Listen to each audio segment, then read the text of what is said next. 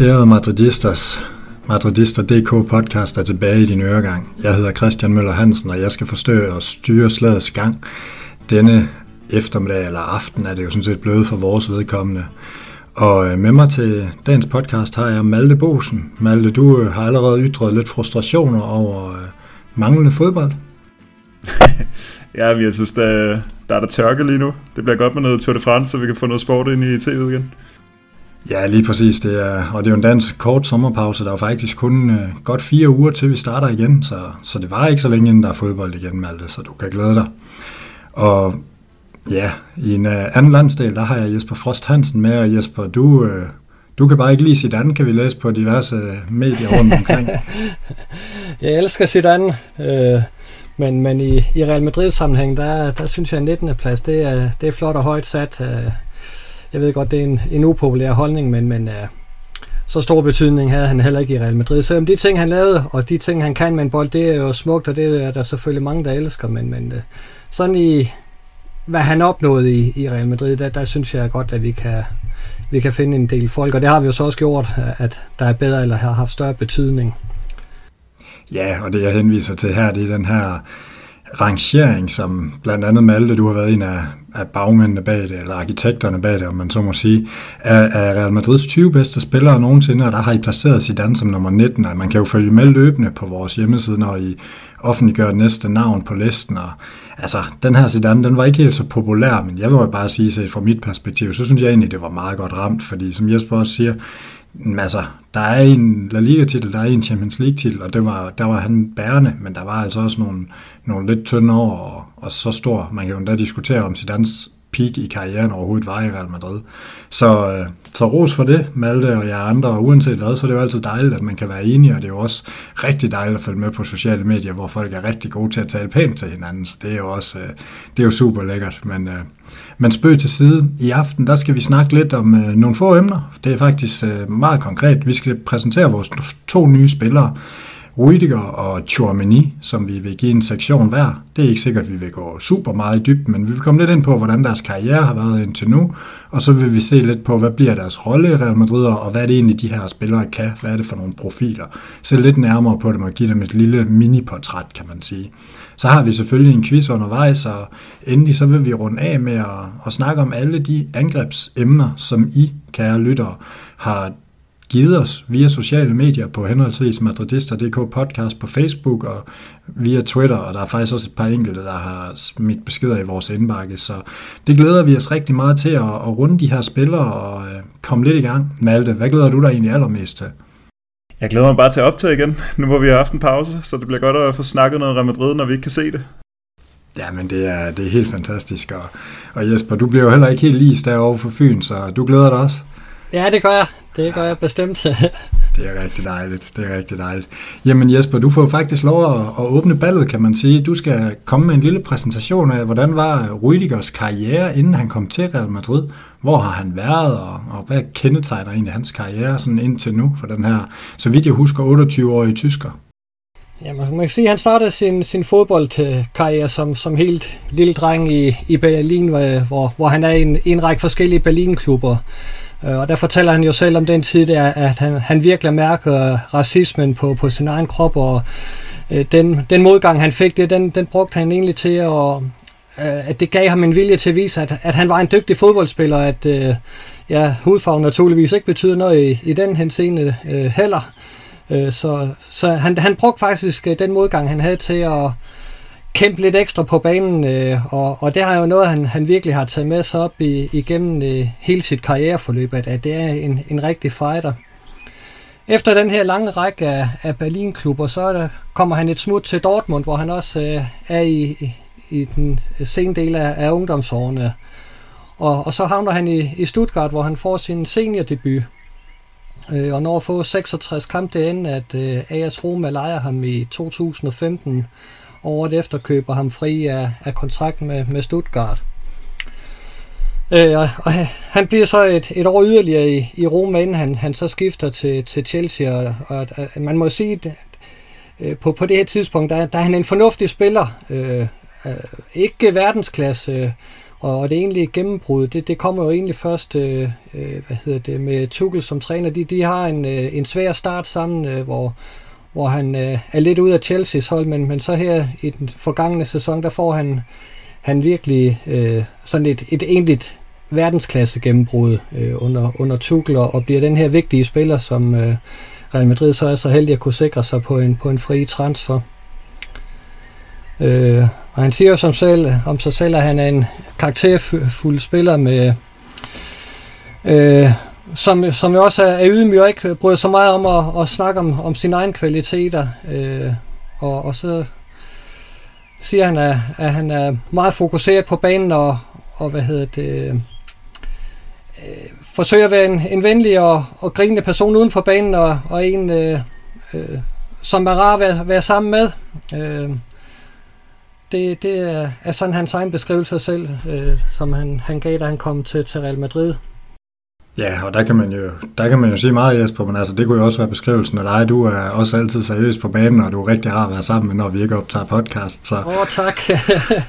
så super dejligt, og, og, og, og, en rigtig fin baggrund her med, med hans karriere, som jo har været, ja, har været en lille smule turbulent, og, og Malte, du sidder også i en Madrid-trøje, ligesom Jesper han gør, og du sidder endda med en kop, som jeg sidder med en til, eller har med en til her ved siden af, så, så der er fuld plade på, øh, på Madridismo i podcasten i dag, men, øh, men Malte, hvad kan du sådan sige om, øh, om Rydiger, som måske mere kendetegnede ham som spiller?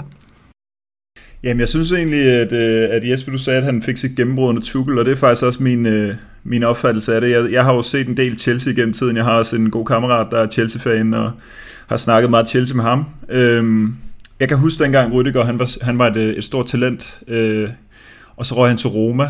Øh, og det tror jeg, så vidt jeg husker det, det er bare rent på egen erindring, så var det lidt et, et overraskende skift, at han, at han røg til Italien i, i stedet for en lidt øh, større adresse måske. Øh, nu kan jeg selvfølgelig ikke lige præcis huske, hvad Roma lå på det tidspunkt, men jeg tænker ikke, det kan have været helt imponerende. Øh, der har nok, nok været noget Juventus-dominans og så videre, ikke? Men, men så kom man jo så til Chelsea lidt efter, og og jeg kan huske, at jeg snakkede med ham, min kammerat der, at øh, under Lampard og sådan, altså der var det ikke rigtig imponerende, det de havde i, i Chelsea, men at, at øh, altså at forsvarsspillere, men at, at Rüdiger nok var den bedste, og det var, det var vi rimelig enige om, men, øh, men altså de her år under Tuchel, der synes jeg virkelig, han har vokset sig til en, øh, en meget, meget stor øh, altså forsvarsspiller. Altså det er, sådan, det er gået meget hurtigt med, at han bare er blevet topklasse, og jeg, jeg kan faktisk godt have svært ved at nævne øh, altså særlig mange centerbacks i verden, der er bedre end ham.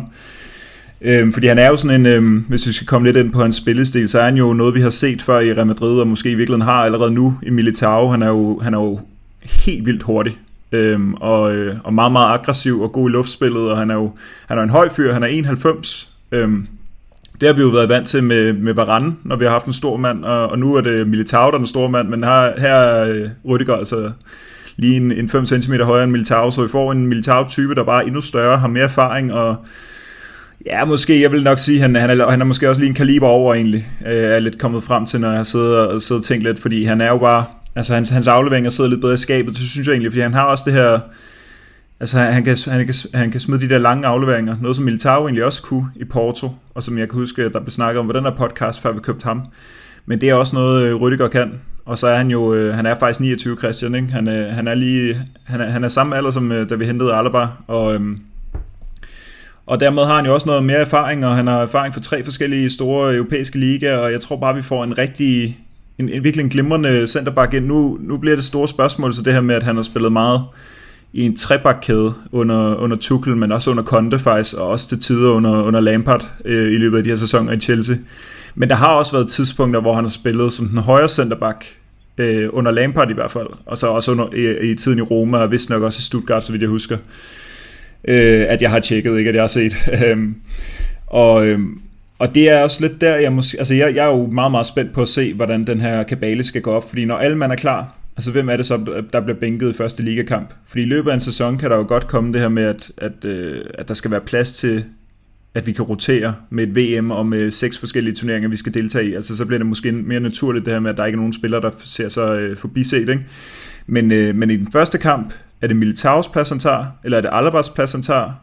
fordi jeg tror, han kommer til at, at komme ind og spille fra start, og ryger Alaba så i så fald ud og tager Mandis plads. Ikke? Det bliver meget, meget spændende, men hvis han skal spille som højre centerback, fordi jeg gætter ikke på, at vi, altså det er mit bud i hvert fald, Christian, det kan være, du er uenig, men jeg gætter ikke på, at vi går over i en øh, uh, trebakkæde med tre centerbacks og nogle wingbacks. Og hvis vi gør det, at vi bliver i en firebakkæde, så bliver det spændende at se, om han skal tage den her militærrolle, og Militao så skal til at indfinde sig, man skal kæmpe sig ind igen.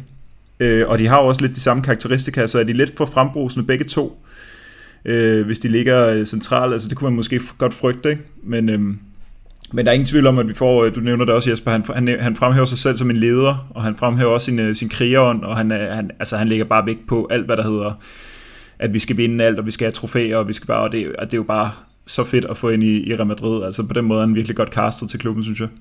Ja, men og det, det er jo super godt, super fint portræt, du også, du også laver af, hvad han kan spillermæssigt, uh, øh, Malte.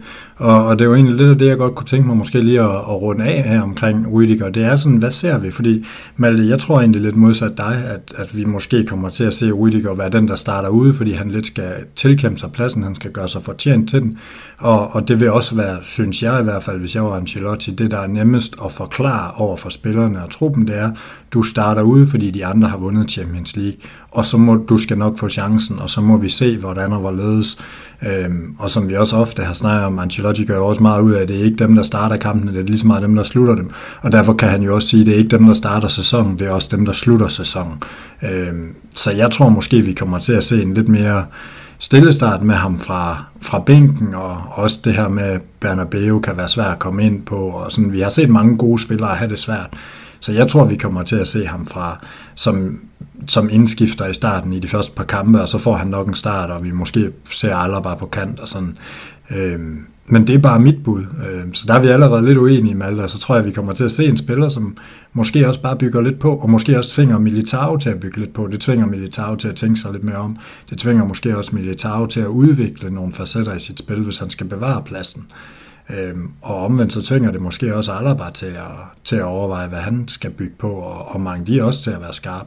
Så på den måde kan jeg egentlig meget godt lide det. Men, men Jesper, hvad tænker du? Bliver det Rüdiger fra starten, når sæsonen starter, eller bliver det Rüdiger, som lige så stille bliver kørt ind i klubben? Hvad, hvad, hvad tror du, Ancelotti han tænker om det her? Vi ved jo også, at Ancelotti er en af dem, der har presset allermest på for at få Rüdiger, og det synes jeg jo er ret interessant også. Ja, for, fordi det var netop uh, Ancelottis opringning til Rüdiger, der gjorde, at, at Rüdiger bestemte sig for, at det skulle være Real Madrid. Altså det sagde han jo på, på pressemødet, at, at uh, Ancelotti kontaktede ham i april og sagde, du skal til Real Madrid, for jeg, jeg skal bruge dig her.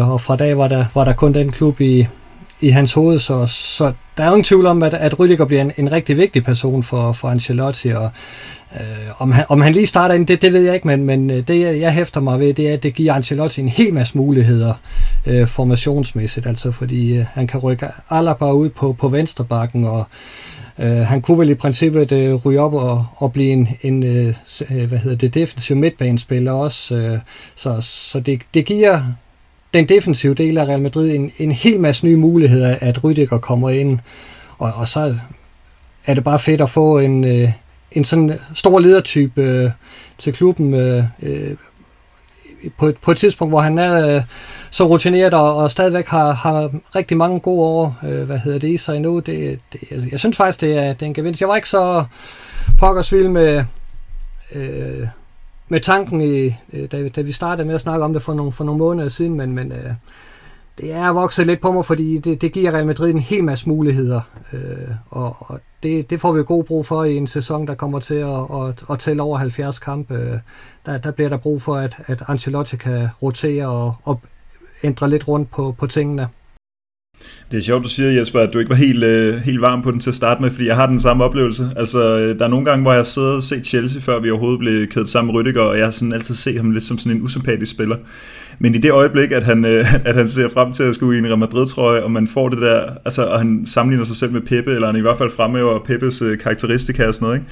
så begynder jeg bare at forestille mig, hvor, altså, hvor fedt det bliver med Rüdiger, fordi jeg tror virkelig bare, at han kæmper for, for emblemet, ikke? Og, øhm, og jeg tror, han er rigtig godt castet. Altså, den er, det er også sådan, jeg er også blevet øh, mere og mere positivt indstillet øh, med tiden, og det kan jo så godt være, at det, er bare, at det er virkelig også som Real Madrid-fans, der sådan, øh, begynder at se, øh, altså mere positivt på det, ikke? fordi nu ved vi ligesom, at han kommer, men altså, jeg, jeg tror, det er et rigtig godt, øh, en rigtig god erhvervelse det her, og så som sagt også i, i lige præcis den her sæson, hvor der bare kommer så mange turneringer, så bliver det rigtig nemt at rotere mellem de her spillere, så de alle sammen får noget spilletid.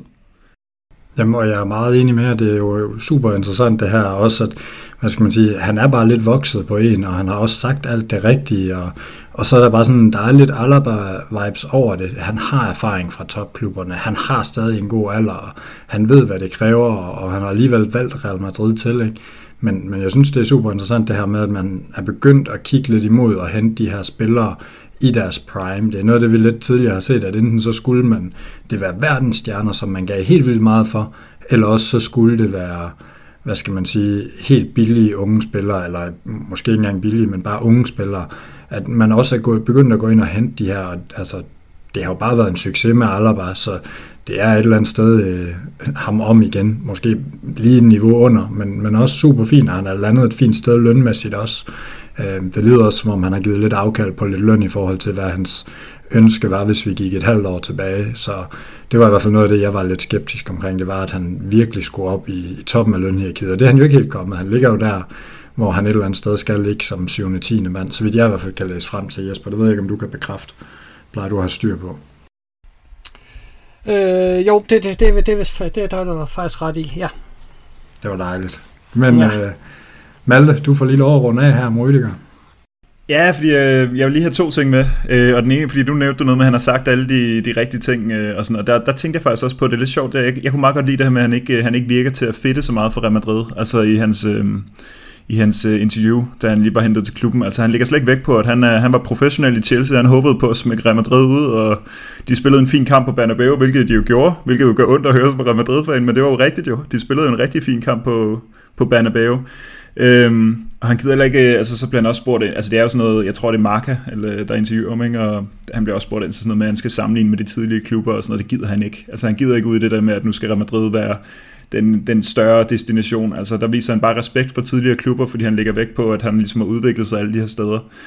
Øh, og det er jo også, altså det, det synes jeg bare er meget fedt. Altså sådan en, og han siger, han siger også, at han ikke har brugt de der tidligere Chelsea-spillere til at komme til klubben, som Eden Hazard og Courtois. Ikke? Altså det her, det er bare en beslutning, han har taget selv. Øh, og det, det, at det udstråler bare noget modenhed, synes jeg, og noget sådan noget, altså uimponeret. Jeg tror, han er forholdsvis uimponeret. Jeg tror, han kommer til at, at virkelig tro på, at han kan, han kan løse den her opgave. Altså, det er rigtig godt at få til klubben, tror jeg.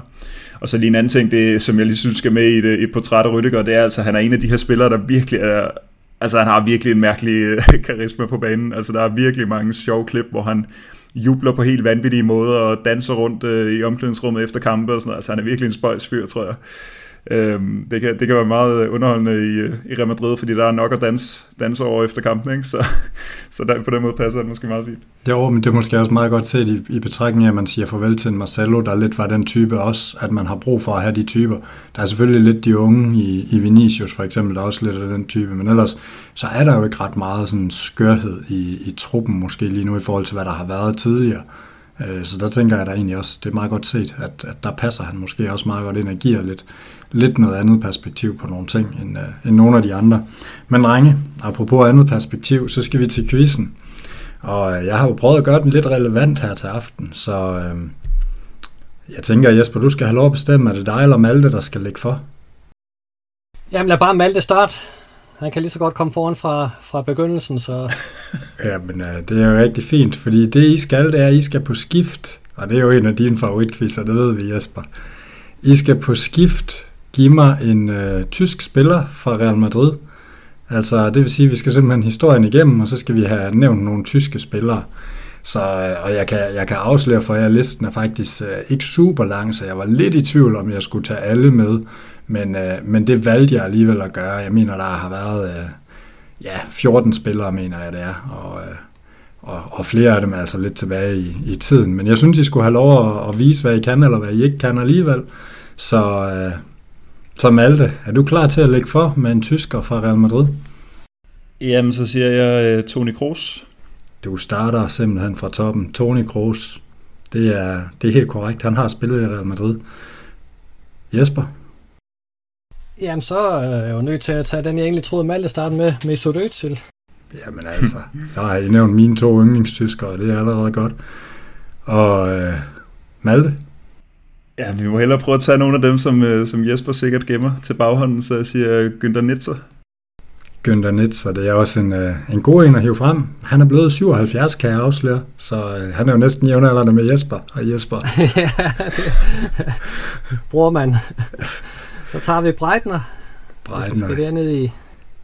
Ja, ja, I er, I er godt tilbage i, i tiden, og han er, han er også blevet 70, så det, det er lidt et tema lige nu. Malte? Bernd Schuster. Bernd Schuster.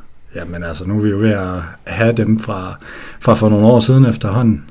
Bernd Schuster, han er korrekt. Så er det der, der Bodo Ilkner.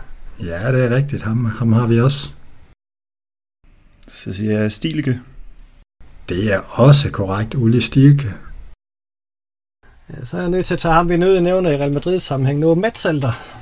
Åh, din favorit. Nej, ikke særligt. ja, I havde ikke nogen fælles interesser. Nej. jeg er glad for børn, men ikke så glad. Ja, det er jeg glad for, at du ikke er. Malte? Ja, jeg siger Kedira. Ja, ham manglede jeg også, så det er ganske korrekt. Og du siger, der er flere nu? Altså, der er et par stykker, jeg er lige ved at sige, at, uh, at jeg lukker den på uafgjort, hvis ikke uh, nogen af jer kan nævne nogle af dem, der mangler. Øh...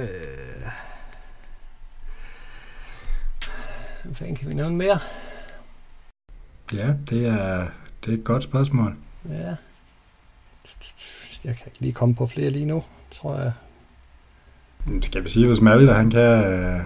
Ja, hvis Malte kan lukke den, så har, så har han fortjent det front. Ej, det, det tror jeg sgu ikke, jeg kan. Jeg kan ikke lige... Øh... Var der nogen flere af de der gamle? Det er... Jeg synes også, det er, det er vist... Jeg, øh det er vist fair at kalde den uafgjort på den her transfermarkt. De har også Rydiger, men ham, øh, ham havde jeg nok ikke helt godtaget. Og øhm, så har vi en Christopher Schork, som faktisk stadigvæk spiller et eller andet sted, men øh, kun har spillet for Castilla, men han står listet, som om han har været på førsteholdet, og så har vi en eller anden, øh, der er så gammel, at han ikke lever mere, så øh, Walter Rosicki. Så øh, jeg vil sige, jeg var, jeg var lidt forbavset over, at I kunne alle dem her. Jeg havde faktisk regnet med, at I ville glemme en enkelt. Jeg, øh, jeg er ret imponeret over, at I kunne både øh, Breitner, Nets og Stilke, at, øh, at, at I ikke glemte en af dem. Så, så stor ros for det. det. Øh, det må jeg tage hatten af for. I, I er nogle dygtige herrer, og I er yderst velforberedte. Og apropos velforberedte, Jesper, nu har du været igennem Øh, hvad hedder det, Rüdigers karriere. Nu får du lov at føre os igennem Chouaminis karriere. Den er jo umiddelbart lidt kortere, så, øh, så jeg er spændt på, hvad du graver frem til os, fordi den er jo heller ikke, øh, han er jo ikke helt så ung, som man godt kunne tro, han er det her kæmpe talent. Nej, han, han er jo blevet 22, øh, men, og, men han har ikke været i så mange klubber som, øh, som Rüdiger. Han har spillet hele sin ungdom i, i Bordeaux, hvor han også øh, nåede at få sin øh, hvad hedder det, første holdsdebut. Så de to seneste sæsoner har han været i, i Monaco, hvor, hvor han har været, været fast mand, og det er også øh, her, han er kommet ind omkring det, det franske landshold, hvor, hvor han fik øh, debut sidste år, og, og indtil videre har spillet 12 landskampe og scoret et mål. Men i de to sæsoner, han har været i Monaco, der er han øh, blevet øh, valgt til begge gange til, til det over 12 af, af, hvad hedder det, af det hold, som, som de franske øh, spiller i, La Liga, øh, i Ligue 1, øh, de vælger. Øh, så, så det er jo en, en spiller, som, som har gjort sig bemærket øh, fra, fra start, må man sige. Øh, det blev til, til 98 kampe i Ligue 1, og, og han har lavet fem mål og syv assist. Øh, og så er det ved at bemærke, at, at han rager en del gule kort til, så det blev til 25 gule kort og, og to røde kort, så, så han har lidt af den der kammervinke som, som vi lige skal have tøjlet. Øh, men, men altså, det er jeg sikker på, at man godt kan lære ham. Øh, han, han siger selv om, om sig selv, at han, han forsøger at lære lyn hurtigt, så han kan hjælpe holdet og, og være med til at, at spille godt, og, og at han er en midtbanespiller, som, som er meget stærk i, i bolderobring og med en god teknik, og så mener han også, at han kan hjælpe til med at, at score mål og med at lave oplæg. Og det, det synes jeg faktisk også, at, at han har vist, at han er god frem af banen også. Det er ikke bare en, der råber bold og så ikke ved, hvad, hvad han skal gøre ved den. Han kan godt føre bolden frem også. Øh, så, så jeg synes, det er en, en rigtig, rigtig spændende spiller, vi har fået her. Det er en, det er en dyr spiller, vi har fået, men, men øh, der er, er midtbanespiller til, til det næste årti, og, og ham bliver vi glade for, det er jeg ret overbevist om. Jamen, jeg er meget enig med dig. Jeg, jeg har givet mig selv opgaven at kigge lidt på Chouameni, øh, egentlig også fordi jeg begyndte at kigge lidt på ham allerede, da rygterne kom til her i forhold til vores podcast, så, så jeg har lidt øh, udvidet det arbejde, kan man sige, og, og Jesper, du har jo allerede været inde på nogle af tingene, men i forhold til nogle karakteristika, i forhold til hans spillestil, så, øh, så har han jo startet som central midtbane, og så er han egentlig blevet lige så stille skubbet tilbage på den defensive, øh, særligt her i Monaco. Øhm, og det, det synes jeg jo egentlig måske er meget lovende, at det er gået den vej, i stedet for omvendt i forhold til, hvilken position han spiller, fordi der er jo ingen tvivl om, at hans fysik, den er en kæmpe fordel på den defensive. Øhm, han har tidligere haft lidt udfordringer, som du også nævner i pasningsspillet, men det er faktisk noget af det, der fremhæves ved ham, det er, at at, at det har han ikke så meget længere. Og nu øh, sad jeg også og, og kiggede der de her Nations League-kampe med Frankrig, og jeg fik også fanget en enkelt Monaco-kamp her i slutningen af sæsonen. Og der må man bare sige, at jeg synes, at hans afleveringer de virker noget skarpere, end når man så YouTube-clips fra tidligere, og også hvad, i forhold til, hvad man kunne læse. Øhm, og det er jo også noget af det, der der beskrives om ham, det er, at han er enormt arbejdsom, og han er enormt fokuseret, han bruger helt vildt meget tid på video. Øhm, og en af de få spillere, jeg egentlig har, kunne, har tidligere sådan hørt det om, det er en, det er en Frankie de Jong faktisk, som bare så er fremhævet, hvor meget tid han brugte. Og han har så måske ikke rigtig fået bygget på i Barcelona, men han har også blevet kastet lidt ind og skiftet rolle. Og, altså, jeg tænker, der, der har Giovanni bare en noget nemmere måde at komme til Real Madrid, fordi han kommer til som, som lidt reserve, der kan kæmpe sig på holdet, og, og han får et år eller to her med Casemiro til at lære og, og finde sin position, og måske også til at hvad skal man sige, udvikle positionen fra, hvor han gerne vil spille, i stedet for at han skal ind og dække en andens position. Så som du også nævner, han er jo enormt stærk på bolderobringer. Han slår alle rekorder i fransk fodbold i forhold til bolderobringer det synes jeg er, jo meget, meget væsentligt, og, og han er jo faktisk også på, på Casemiro-niveau, og nogle gange over alt efter, om man tager antal taklinger eller antal erobringer, så det er jo, det er jo rigtig lovende.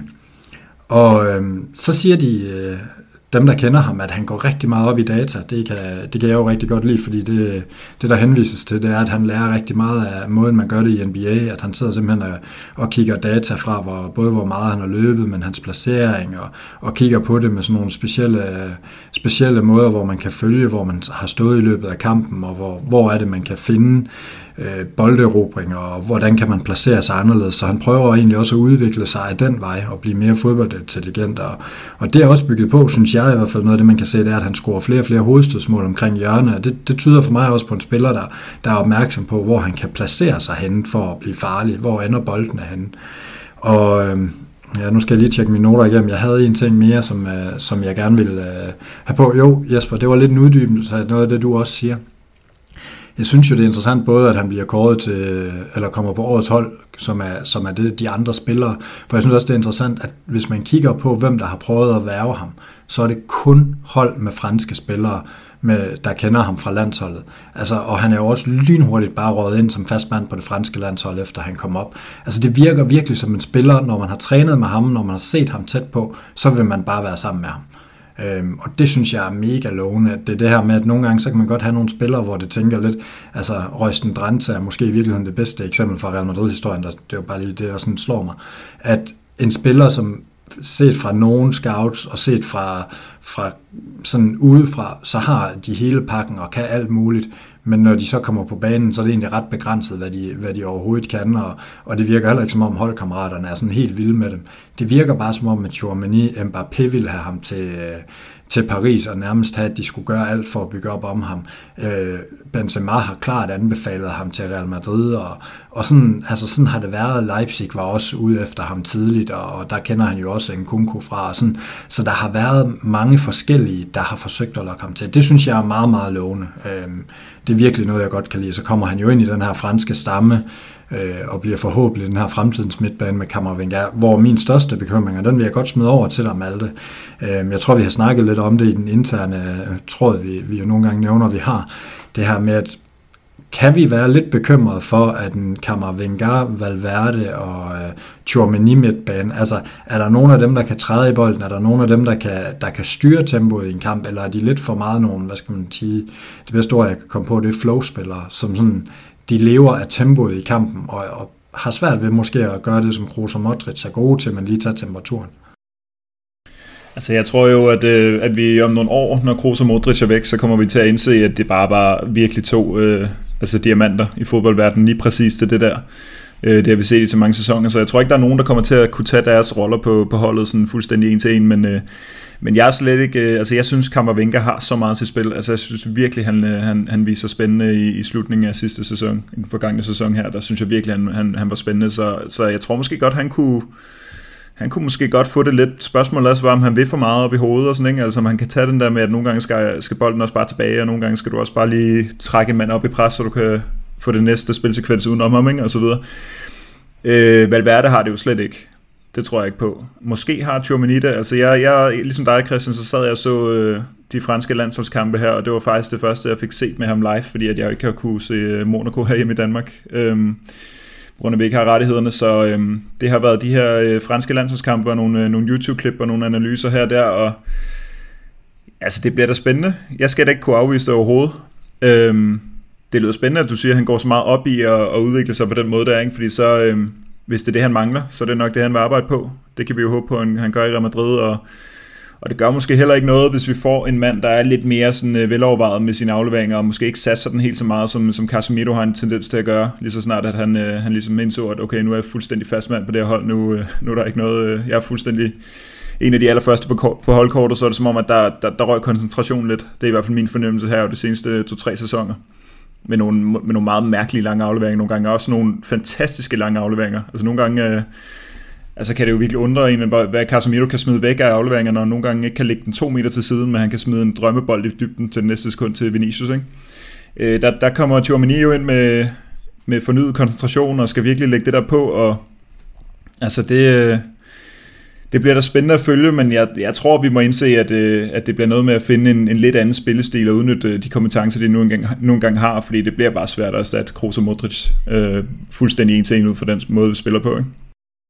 Jamen lige præcis. Altså, det er jo heller ikke, fordi de skal erstattes en til en, men jeg synes bare, hvis man kigger på, hvem der er rundt omkring i fodbold Europa, altså Øh, nu, nu kan jeg ikke lide og Chelsea har måske lidt også et par af de her spillere end Jorginho tidligere, og, og jeg ved ikke helt, hvem der har haft rollen i den her sæson. De har måske spillet lidt anderledes, fordi de også er gået over i det her 3-4-3, 3-5-2 halløj, men, øh, men, men City har det også med De Bruyne, der også tager den her temperatur på kampen. Liverpool har det i den grad med Fabinho, og, og vi ved jo også bare, at de elsker jo de her spillere, der tager temperaturen. Øhm, Bayern har også, har også et par af de spillere på midtbanen, så det er bare det der med, altså Real er, slår mig lidt som om, at, at de måske kommer til at savne det, hvis man ikke henter det. Men Jesper, jeg ved ikke, om du har et bud på, hvem det er, man kan gå ud og hente, eller om, det er planen, eller om man bare tænker i Real Madrid, at man bygger det her på? Ja, de snakker jo om øh, Jude Bellingham, øh, at, at han bliver den spiller, der skal fuldende midtbanen, og at, og at de arbejder på, at han kommer næste år. Og det, det kunne måske godt være, være en spiller. Det er stadigvæk en meget, meget ung spiller, man får på det tidspunkt, som, som skal lære en hel masse, øh, hvis, hvis han, skal, han skal ind og styre Real Madrids midtbane. Men, men øh, han er da en spændende spiller, som, som kunne, kunne være meget sjov at få, få til klubben. Øh, prøv at se, om vi kunne få en, en britisk spiller, der, der virkelig kunne øh, slå igennem og, og lave det hele store. Det, det kunne da være skæg. Øh, det, det er, er sådan mit umiddelbare bud på, på en spiller. Øh, eller så er der Enzo Fernandes i, i River Plate, som, som man også har, har nævnt, øh, og, og som får rigtig meget ros i den argentinske liga, som man, man forventer, at han, han snart er at finde en europæisk klub. Det, det kunne også være en mulighed, men så, så er man jo også lidt over i, i øh, et eksperiment og, og tage en chance lidt, synes jeg, men, men øh, det skal man også kunne ture ind imellem. Ja, men øh, altså det er jo sjovt det her med, når du, når du nævner det her, Christian, med at tage temperaturen, fordi for mig ligger der på et eller andet, altså der ligger også noget lederskab i at skulle være den, der tager temperaturen, altså du skulle ligesom have en vis autoritet, og du skulle være, altså kunne være den, der, tager det, der har det der kølige overblik på midten, og at vi så rører ud og snakker om, om Bellingham og, og Enzo Fernandes, øh, i det øjeblik, vi spørger ind til det her, det er jo måske også lidt en vidnesbyrd om, at de, altså de er meget unge, de her folk, vi har på midten nu, ikke? og det, jeg kan heller ikke lige få øje på, hvem af dem, der skal kunne tage den der tete, altså at bare sætte tempoet, fordi det, er, det, det tror jeg faktisk, du, altså det tror jeg også, vi, vi kan have brug for fremadrettet. Det, øhm, der er altså noget udviklingsarbejde, der skal, der skal gøres der, fordi der har virkelig været meget, øh, altså der har virkelig bare været høj klasse på den midt, ikke? og det bliver, det bliver spændende at se, om der er nogen, der kan, ligesom kan tage den der, eller om vi decideret skal ud og have en, en ny mand øh, for det. Ja, jamen det bliver, det bliver yderst spændende, men altså, hvis nu, øh, hvis nu vi glæder lidt videre i forhold til Tjormini og, og tager lidt ligesom vi gjorde med Rydiger, hvad, hvad forventer vi os af den her første sæson? Altså der er nok ikke nogen tvivl om, at med Rydiger, der diskuterede vi, om man skulle starte eller ej. Det tror jeg ikke, vi, øh, vi diskuterer, for jeg tror, vi alle sammen er enige om, at Casemiro, han, øh, han starter jo helt klart den her sæson, men hvad er vores forventninger til, til Tjormini? Er det, at han leverer sådan en Kammervenger-sæson? Er det, at han går ind og presser, presser Casemiro? Eller er der nogen af jer, der faktisk i virkeligheden forventer, at han, han slår Casemiro af? Altså, hvad er jeres forventninger? Jeg ved klart, hvad mine er, men, men jeg kunne godt tænke mig at spørge, hvad jeres forventninger er, og Jesper, vi kan jo starte med dig. Ja, der, er, der er ingen tvivl om, at øh, uh, Tchouameni uh, øh, øh, skal til at vende sig til en ny virkelighed nu, fordi Real Madrid er en stor klub at komme til. Han, han har stadigvæk meget, han skal lære. Uh, blandt andet det, det, det med at styre lidt de, de gule kort, ligesom Kammervenka har, har skulle. Uh, men men uh, jeg tror faktisk godt, han kan, kan gå ind og, og presse øh, Casemiro i løbet af den her sæson her, måske mod slutningen øh, overtage pladsen helt. Det, det vil ikke overraske mig, for jeg synes ikke, Casemiro har været så stærk i, i den forgangne sæson, så, så hvis Germany kan komme ind og få lidt tur i den og få, få bygget på fra start, så, så synes jeg faktisk, han har talentet til at, at kunne overtage. Ja, jeg er jo faktisk lidt på linje der. Altså jeg vil sige, øh, problemet er jo lidt, at øh, det som der er faldet af altså det, som Casemiro har mistet i de seneste sæsoner, det synes jeg er rent mentalt. Altså der er ikke noget for mig, der, altså jeg ved godt, at vi nogle gange snakker om, at så er det træthed, eller så er det, så er det noget andet, ikke? men jeg, jeg, synes jo, at det, det virker som om, det er oppe i hovedet, og, og spørgsmålet er så, om, han, øh, om, han, om Casemiro simpelthen kan løfte sit niveau. Fordi han er jo faldet i niveau, Casemiro, altså han var jo fænomenal, altså for nogle år, så, nogle år siden.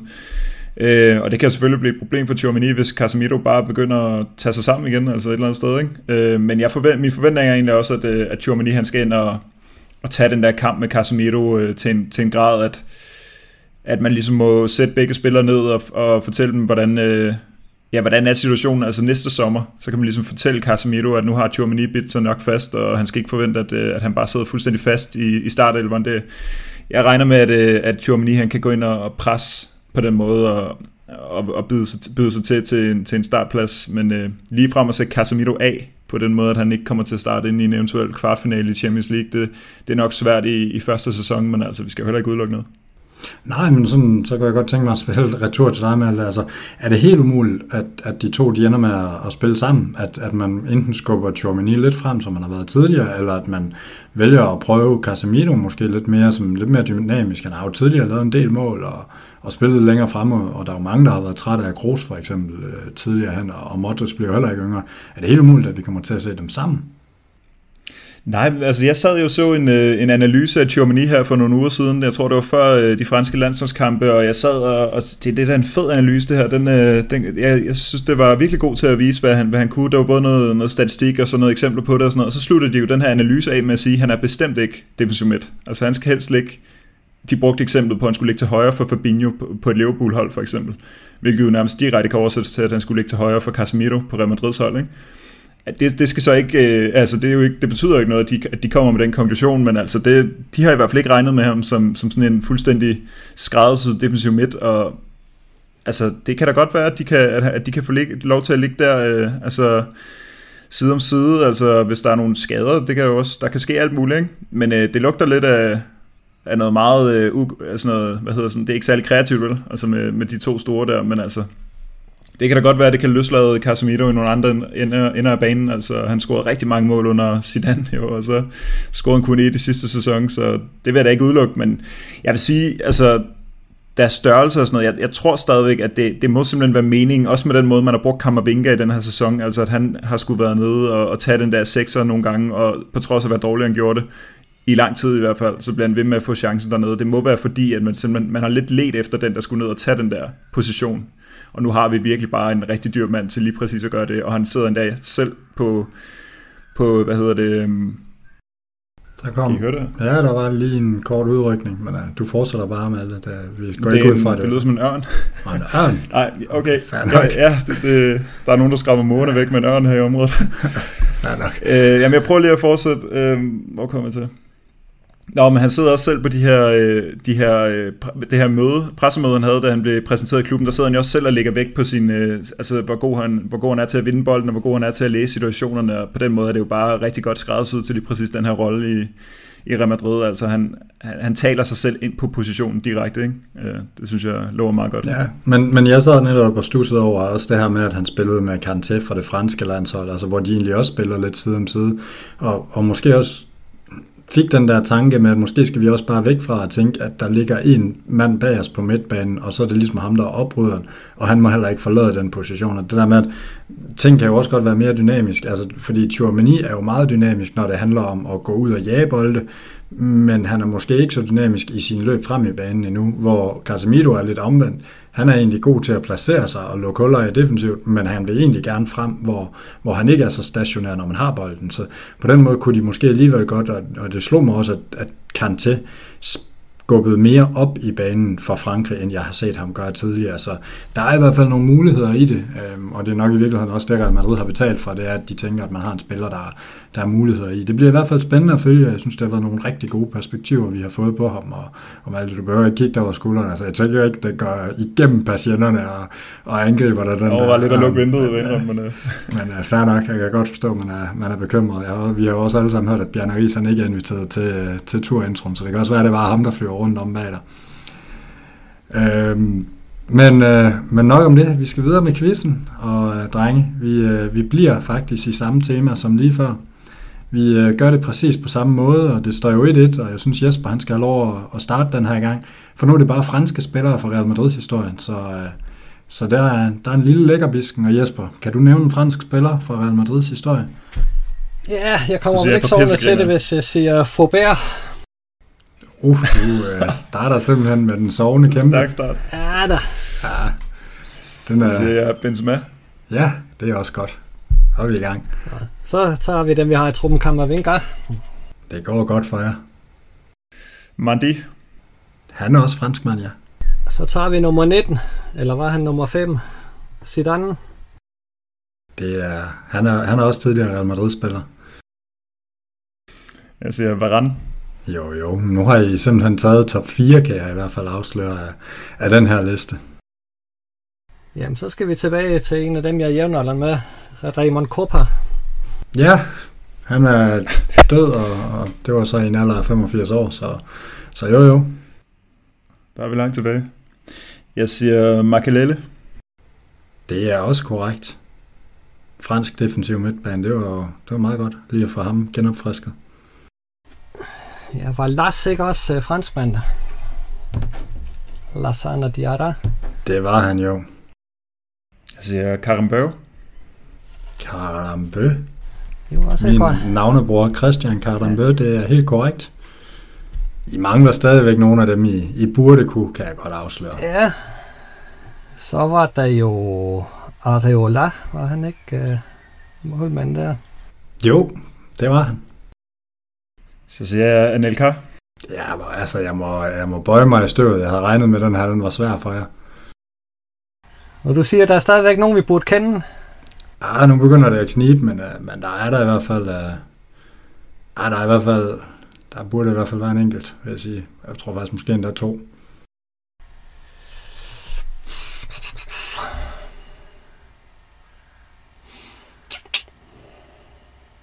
Jesper, vi skal til at, vi skal til at have den. Ja, det kommer ikke lige herfra lige nu. Jeg kan ikke lige komme på nogen. Malte, så kan du jo sikre dig pointet, hvis du kan nævne en fransk spiller fra Real Madrid-historien. Du har tre sekunder. Ej, jo. Det gik der. Det gjorde de vist. Jamen, øh, jeg vil jo give den ledtråd, at han er franskmand, men det hjælper jeg nok ikke meget. I øh, mangler en Milan venstre bak, Theo Hernandez. Åh, oh, for del, ja. Det er rigtigt. Og så, øh, så mangler I jo faktisk også, øh, ja jo, man kan jo godt sige, at jeg har nævnt ham, men, øh, men jeg tænkte, det var farmand, I nævnte, og jeg vil ikke nævne noget på det tidspunkt om, hvem det var, fordi I mangler jo faktisk også Lukas i den. Han, øh, han har jo faktisk også været mm. der. Han har jo været indskrevet i truppen, og, og så vidt jeg husker, fik han vist også en enkelt kamp på mål eller, eller to, men han har i hvert fald været indskrevet i truppen og tæller derfor også. Ja. Så øh, der var altså et par stykker, og så er der et par, hvor vi skal, vi skal virkelig langt tilbage, så, øh, så altså, hvor vi snakker 83, 76, 90 og, og, og 87 år. Så det, det tænker jeg, det er okay, I ikke kunne dem. Det er jo ikke engang nogen, jeg, sådan, jeg kendte. Men, øh, men vi bliver vi uafgjort i quizzen. Og øh, fra uafgjort i quizzen, så skal vi til at snakke nogle, øh, nogle offensive navne, som, øh, som folk har budt ind med her på vores sociale medier. Og øh, den første, det er, det er et par af vores øh, absolut faste følgere, der har budt ind med ham. Daniel Brygner Sørensen og Sebastian Alvarez Højdal er, er nogle af dem, der i hvert fald har budt ind med Gnabry, og, og jeg synes egentlig, han er jo interessant at kigge på. Øh, højre kant burde vel egentlig passe meget godt. Tænker I, han kunne være øh, et navn, vi kunne gå ud og hente? Jesper, du kan få lov at, at lægge ud her. Ja, fordi han har jo kontraktudløb med Bayern næste år, og, og selvom de, de forhandler nye kontrakt, så er de jo i hvert fald ikke nået til enighed endnu, så, så det, det kunne være en mulighed. Også en spiller, man, man kan hente relativt billigt, og, og vi ved, at de spillere, der har, har været i Bayern, de, kender, de ved, hvad der skal til. Øh, og, og Gnabry er jo også inde omkring det tyske landshold, så, så han er jo bestemt en, en dygtig spiller. Øh, Øh, og en, en spiller, man, man vil kunne få relativt billigt i forhold til nogle af de andre navne, der, der bliver nævnt. Øh, altså det er jo ikke øh, absolut verdensklasse Galactico, vi er ude i, men, men det er en, en god, øh, habil spiller, øh, som jeg tror vil, vil kunne bidrage med mange ting. Øh, så, så ja, øh, absolut en god mulighed, øh, vil, vil jeg sige.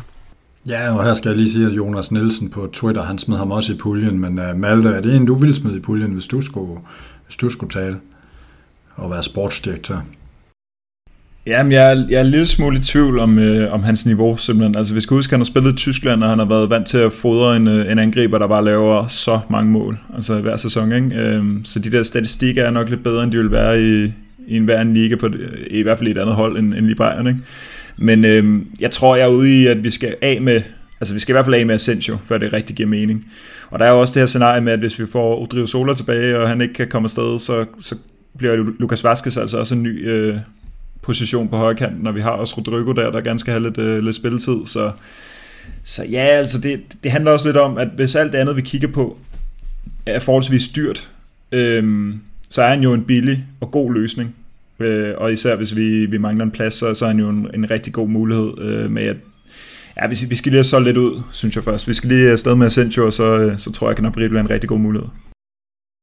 Og det er jeg enig med dig i, altså øh, Gnabry bliver en, et emne, hvis, hvis vi får solgt ud, og, og så er han jo samtidig en spiller, som ikke på den måde vil komme til at stå i vejen for Rodrigo, altså han kan stadigvæk, øh, hvad hedder det, være en del af, af de spillere, som, som får rigtig meget spilletid, uden øh, at, at den ene overtager fuldstændig fra den anden, øh, så, så der vil være plads til øh, Rodrigos fortsatte udvikling, frem for hvis man henter nogle af de andre rigtig, rigtig store dyrenavne, som, som vi også skal diskutere, øh, altså Mo Salah og, og Nkunku, er nogle af de spillere, som, som vil koste rigtig mange penge, som derfor man vil have en større forventning om, at de i hvert fald er at finde i startopstillingen, øh, og, og, og dermed kan tro Rodrigo, som jo helt sikkert er i Real Madrid-truppen øh, til næste sæson.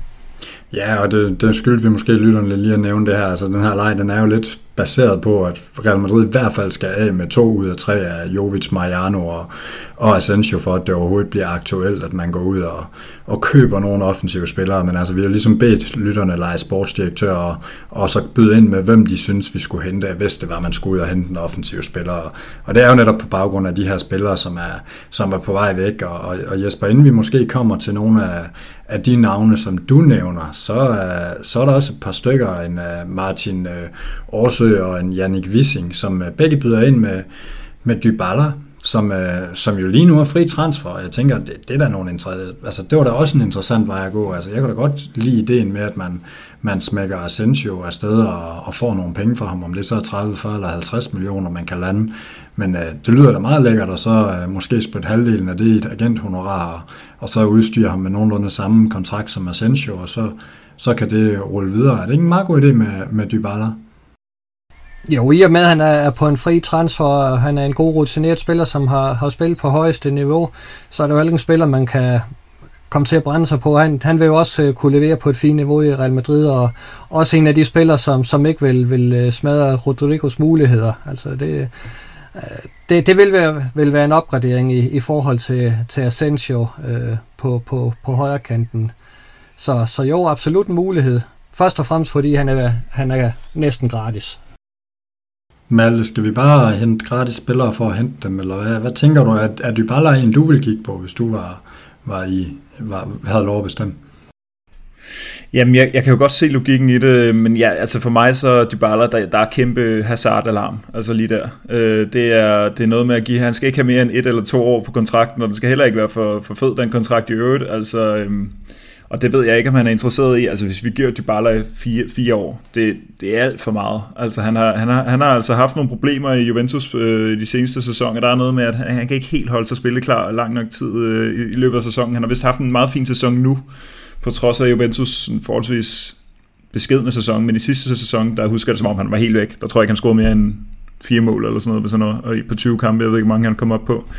Øh, og så er der også det her med, Altså, vi, vi vil ikke gerne have nogle hurtige kanter. Altså, det så jeg også, øh, da jeg lige kiggede de her øh, Facebook-kommentarer, tror jeg det var, øh, igennem for at se, hvad folk ligesom nævnte. Der var også nogen, der nævnte det her med, at skal vi ikke have noget, noget fart på kanterne, og det får vi altså ikke rigtigt med Dybala, ligesom vi ikke gør det med, med Bernardo Silva, som også er en anden øh, spiller, der bliver nævnt her og der, som i øvrigt har kontraktudløb i 2025. Så kan det godt være, han er hjemme men jeg tror ikke, han bliver billigere af den grund. Øhm, så, så jeg ved ikke helt, altså de, de er jo selvfølgelig rigtig gode, de her spillere, men om de lige passer ind til den måde, Real Madrid gerne vil gøre det på, og så i den ene kamp, så skal vi have Dybala, der trækker ind i banen, og øh, er lidt langsom og lidt mere spilskabe, spilskaber type, og så i den anden kamp, så skal vi have Drugo Drugo, der, øh, der, hvad hedder det, der udfordrer alt, hvad han kan, og sprinter ned mod baglinjen og sådan noget. Ikke? Altså jeg ved ikke helt, jeg, jeg, altså først og fremmest, det vigtigste er i hvert fald, at han ikke skal have en lang kontrakt, og en mega stor kontrakt, og det, så tror jeg måske, det kan blive svært at hente ham.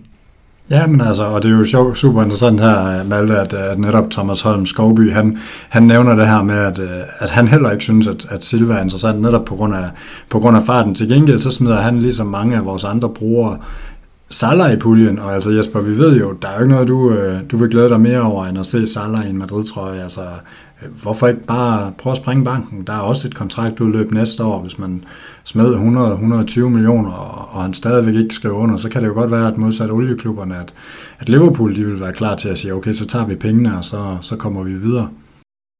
Ja, nu kan jeg som udgangspunkt, udgangspunkt kun lige en Ægypter, det er Kamal. Øh, øh, og ham får vi nok ikke til at, og, hvad hedder det, starte i, i Real Madrid. Øh, Salah, jo, han er en dygtig spiller, det, det skal han jo bestemt have, men øh, der er også øh, noget ved ham, så, som, som gør, at jeg synes, han har brændt sin bror lidt. Altså den her kritik af Real Madrid og lysten til hævn, og han virker også bare lidt som en grædekone, synes jeg. Det, det, det er virkelig en spiller, man skal lære at elske, hvis han kommer til klubben. Øh, det, det, det bliver sgu en hård omgang at, at lære det. Øh, det ved jeg ikke, om, om jeg efterhånden har nået en alder, hvor, hvor jeg ikke kan lære det længere, men, men øh, vi må godt forsøge, hvad som kommer. Altså, øh, der er jo ingen tvivl om, det er en, det er en rigtig, rigtig god spiller. Det er en, en spiller, der vil komme til at lave rigtig, rigtig mange mål. Øh, øh, ja, han vil jo stadigvæk komme til at koste øh, kassen, så, så det vil jo i hvert fald kræve, at Asensio, Jovic og, og Martiano er væk, så, så der virkelig bliver behov for, at vi henter ind fra, fra den øverste hylde for at, at, at dække... Øh, fordi så er der jo ikke plads til, til så mange øh, flere indkøb, så, så det skal virkelig være en spiller, der, der er fra, fra den øvre hylde. Øh, men ej, jeg vil, jeg vil sgu godt den anden vej, det, det må jeg indrømme. Det, det, det, det bliver hårdt at, at lære at elske ham. Ja, ja, men og en anden, som, som du jo så kan elske, det er jo netop Kamal, som du nævner, som, som det, det kan lytter jeg være med. Vores, vores podcast, der måske har hørt ham øh, nævnt et par gange, det er en gammel kending af Madridista.dk, og han har tidligere været anfører for vores hold til, da vi deltog til Fankop, og der skal jeg love for, at øh, altså, han havde en smørfod, som, som selv Zidane han ville være misundelig på, så, så det er en god mand, men, uh, men, men måske heller ikke helt så hurtigt som, uh, som Salah trods alt. Så har jeg ikke sagt for meget i hvert fald. Men uh, andre spillere, vi kan, vi kan kigge på, så har I jo været lidt inde på Silva, så, så ham nævner jeg ikke rigtigt, og, og, og Patrick Kasser nævner Kevin De Bruyne, men jeg tænker også, det, det kan vi måske også udelukke fra det her med, at altså, det er jo slet ikke aktuelt, at, at City på nogen måde vil, vil sælge ham.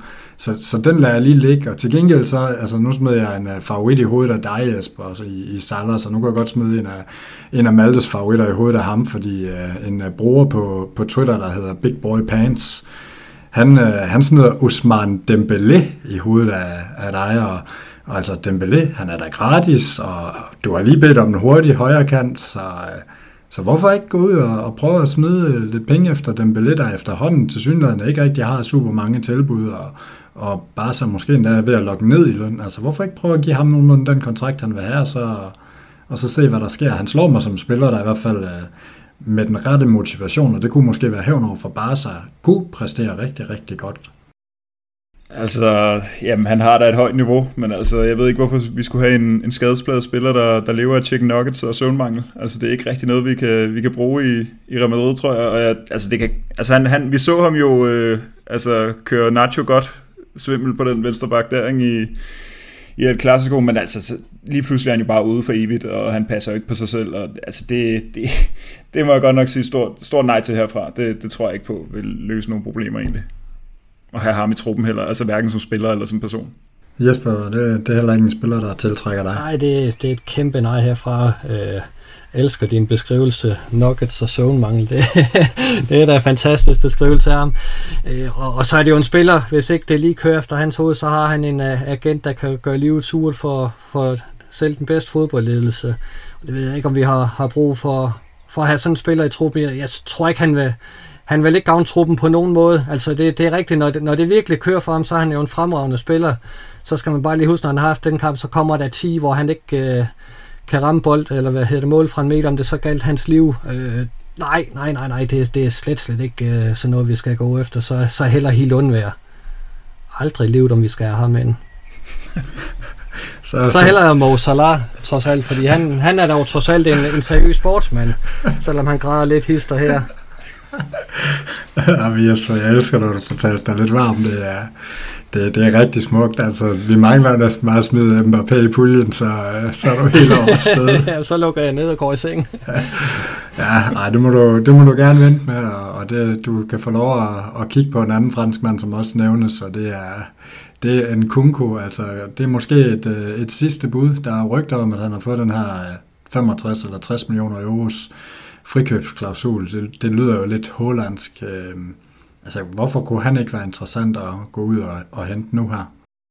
Det synes jeg jo bestemt også, han kunne. Øh, altså, der er stadigvæk det problem, at, at vi skal have fundet en plads til for vi må stadigvæk kun stille med 11 spillere på, på banen. Øh, og Benzema og Vinicius er, er jo de sikre folk, som, som han ikke lige slår af. Øh, og, og så er der den her højre kant tilbage, hvor jeg ikke lige ved, om han passer perfekt ind.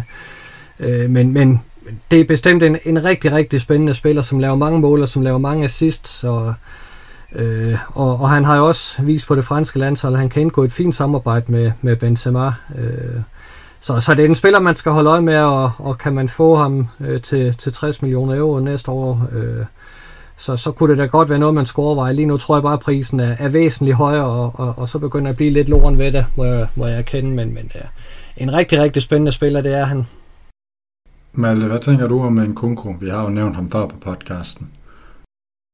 Jamen, jeg er også lidt ude i den der med, at skal vi virkelig brænde sindssygt mange penge af på at, at hente altså en spiller, der måske ikke engang rigtig har højrekant, som måske i virkeligheden har et, øh, et mere sådan centralt udgangspunkt. Øhm, jeg vil så også sige, når jeg så kiggede på de her, øh, de her mange spillere, som der bliver nævnt, og sådan lidt kigget på statistikkerne, og lige så lidt YouTube og sådan noget, altså så lige pludselig så kigger man på en kunko, og så står der bare 35 mål og 19 assist. Altså der, der er godt nok forskel på nogle af de her angriber fra, fra Lille og Monaco og så videre, der har scoret 6 mål og 15 mål her der og, som central angriber, ikke? Og, sådan, og så kommer den her franske landsholdsspiller, der på 24 år, og som, som alle er efter. Øhm, det er stadig bare lidt et problem for mig, at han, øh, ja, at han ikke engang rigtig har position i første omgang, og så, så skal han også være rigtig, rigtig dyr. Altså det, der tror jeg næsten, at, at der, der er næsten hellere ude noget Gnabry, så, altså, så kan det godt være, at niveauet ikke er helt lige så meget, eller også er det. Altså er, er Gnabrys niveau jo bare højere end en Kunkus, fordi han jo trods alt er højere kant. Det kan på mange måder være en, en bedre løsning og en billigere løsning, det tror jeg altså mere, øh, mere jeg er ude i. Ja, jamen, og det er, det er super interessant, og nu kan jeg ikke lige uh, huske, hvilken bror det var. Der var faktisk en, der smed, uh, smed en sidste, uh, så vidt jeg ved, faktisk også franskmand i puljen i, uh, ja, nu skal jeg lige se, øh, Jonathan David. Øhm, ja, det var Jonas Ørtsholm, og, og det synes jeg egentlig måske var et, var også et okay bud, øh, hvis man skulle ud og hente en, som, som måske kunne affinde sig med at være reserver, som stadigvæk havde noget potentiale. Malte, er det en, du, øh, du kender? Nej, men jeg skal lige til sammen, så skal jeg selvfølgelig sige, at jeg har jo ikke set, øh, ja, hvordan man udtaler det, hvis han er franskmand, Jonathan David. Jamen, øh, altså, jeg har, jeg har ikke set ham spille øh, live, fordi at, at vi ikke kunne se øh, den franske liga, men jeg, jeg så noget YouTube med ham, og jeg synes, han ser rigtig spændende ud, og han ligner jo faktisk også en, øh, en spiller, der lige så godt kunne ligge på en kant, som man kunne ligge central angriber, altså øh, sådan driblestærk væver type, ikke? Øh, og score en masse mål også, men altså, hvis han skal ligge angriber, så kommer han jo ikke til at spille. Altså, det, det gør Benzema det tror jeg ikke, vi skal ud i, at vi skal bruge mange penge, og han, også fordi at han har kontrakt frem til 2025, og det skal man altså huske med de her dygtige spillere, der kommer op og scorer masser af mål i den franske liga, øh, tyske liga, altså hvor som helst i virkeligheden. Altså, de der klubber, de går jo ikke af med dem til en billig pris. Altså især ikke, når de har kontrakt i lang tid. Så igen vil jeg bare sige, det, det er lidt en, en Jovic-vibe, jeg får det der. Altså, det kan godt være, at han er dygtigere end Jovic, og kunne tilpasses på en højre kant, eller hvad ved jeg, men altså, jeg, jeg frygter bare, at han ikke kommer til at spille. Altså, øhm, og han ikke har vist nok til, at, at det ligesom er, er, er værd at satse på nu for Real Madrid.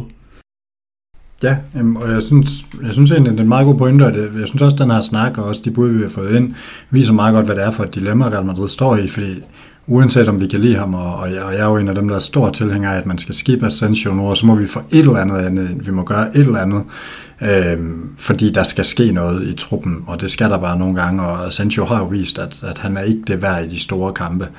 Øh, men, men hvad skal man sige, det er jo ikke sikkert, at vi kan finde spillere, der er bedre. Altså, det, det virker faktisk ret svært.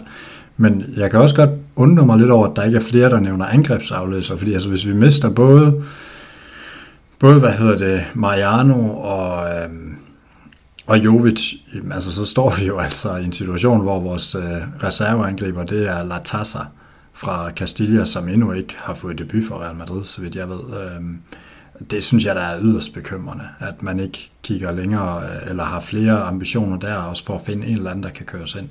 Malte, du markerer lidt på det her. Ja, jeg tror jo at lige, Latassa fik debut i slutningen af sæsonen. Men, ja, øh, men, jeg, men, øh, men jeg tror jo, at Eden Hazard, han skal køres i, eller det håber jeg lidt faktisk, at han kan køres i stilling til reserveangriber for Benzema. At øh, al den der kæmpe charme offensiv, han, han kommer med nu, hvor at her tre år efter vi har købt ham, nu, nu, får, nu giver han os alt øh, og så tager han til Belgisk landsholdslejr, så stadig lidt småkvaps ud, ikke? Men øh, så lad os se, hvad, hvad det betyder, men jeg, jeg kunne godt håbe lidt på, at han, øh, at han, øh, at han kan være en reserve for, for Benzema, og så, altså, så kan Latassa der bare få plads til at udvikle sig, øhm, og måske vise sig som en værdifuld spiller, men, men inden at han ligesom er klar til det der, så kan Hazard spille, hvis, øh, hvis Benzema er skadet. Jeg tror, ja, altså, det er bare det der, det, det, den er hård sats på, ikke? Fordi det kan også godt bare være, at Benzema bare spiller hele sæsonen igen, og så øh, er der slet ikke plads til at udvikle sig. Nej, men jeg synes bare også, det er vi må også synd, hvis man slet ikke har nogen. Øh, altså, det er også bare farligt. Vi, vi har jo ligesom set i El Clasico, hvad der sker, når vi spiller uden nier. Det, det behøver vi ikke at opleve en gang til. Nej, det, det vil sige, det er næsten 50... Nu må 50... du starte Malte på den der. Nej, det er næsten 50 så ryger vi over to timer podcast.